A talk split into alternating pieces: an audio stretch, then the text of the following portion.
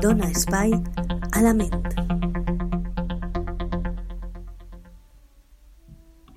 Hola a tots i totes, benvinguts una setmana més a Dona Espai a la Ment. Avui vull parlar-vos de la intel·ligència artificial. La intel·ligència artificial és la intel·ligència de les màquines, obtinguda mitjançant la combinació de grans volums de dades i de la programació.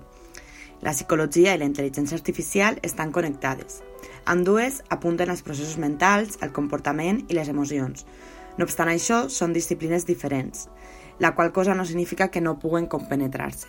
Actualment ja es veuen els progressos de la intel·ligència artificial utilitzades per afavorir els, els processos terapèutics. Per un lloc s'estan fent projectes de robots que són capaços de reconèixer les emocions que faciliten, la vida d'algunes persones. Parlem, per exemple, dels robots assistencials que siguin capaços de, per exemple, acompanyar a les persones que, compten, que tenen Alzheimer. Però no sols es tracta de robots amb característiques humanes. També s'utilitzen sistemes d'intel·ligència artificial per a processos psicoterapèutics. Per exemple, eh, s'estan fent molts estudis de treballar a través de la realitat virtual amb persones amb estrès posttraumàtic. No hi ha dubte de que l'ajuda tecnològica pot millorar la qualitat de la vida de moltes persones.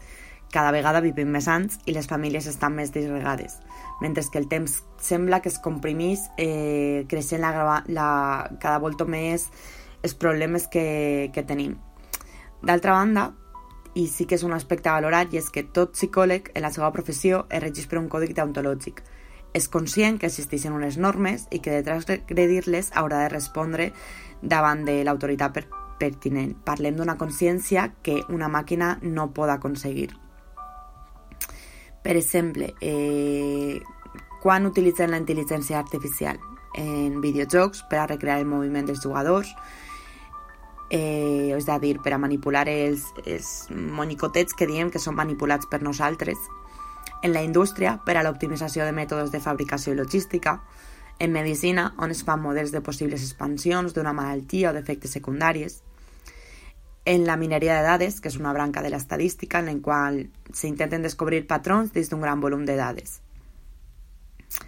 En l'aprenentatge automàtic de les màquines, eh, que ens ofereix uns productes o uns altres i podem predir quins productes podem voler comprar o quins productes volem conèixer.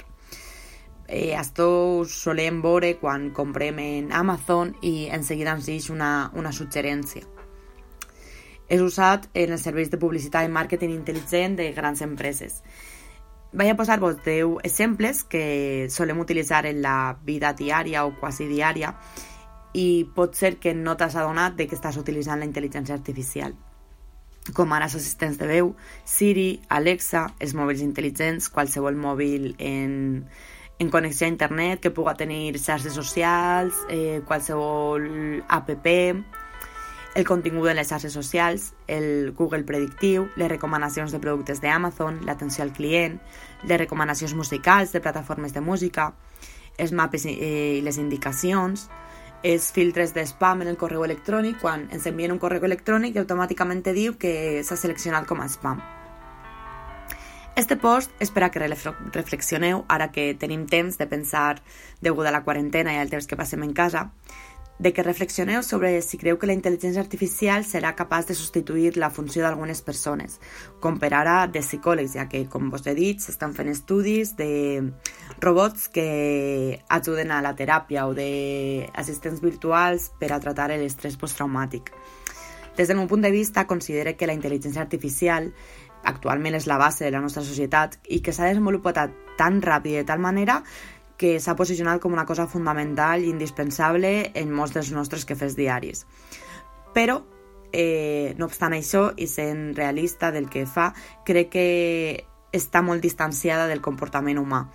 Una computadora és capaç de fer moltes coses que el cervell humà fa, però els sentiments, els desitjos, els valors, la capacitat de relacionar-se amb altres éssers vius és una cosa que, que es queda molt, molt llunyana de la màquina està clar que ser intel·ligent, entre comilles, és fàcil, però sentir és lo difícil. Espero que us hagi resultat interessant aquest post i que us faci un poc més amena la quarantena. Un salut!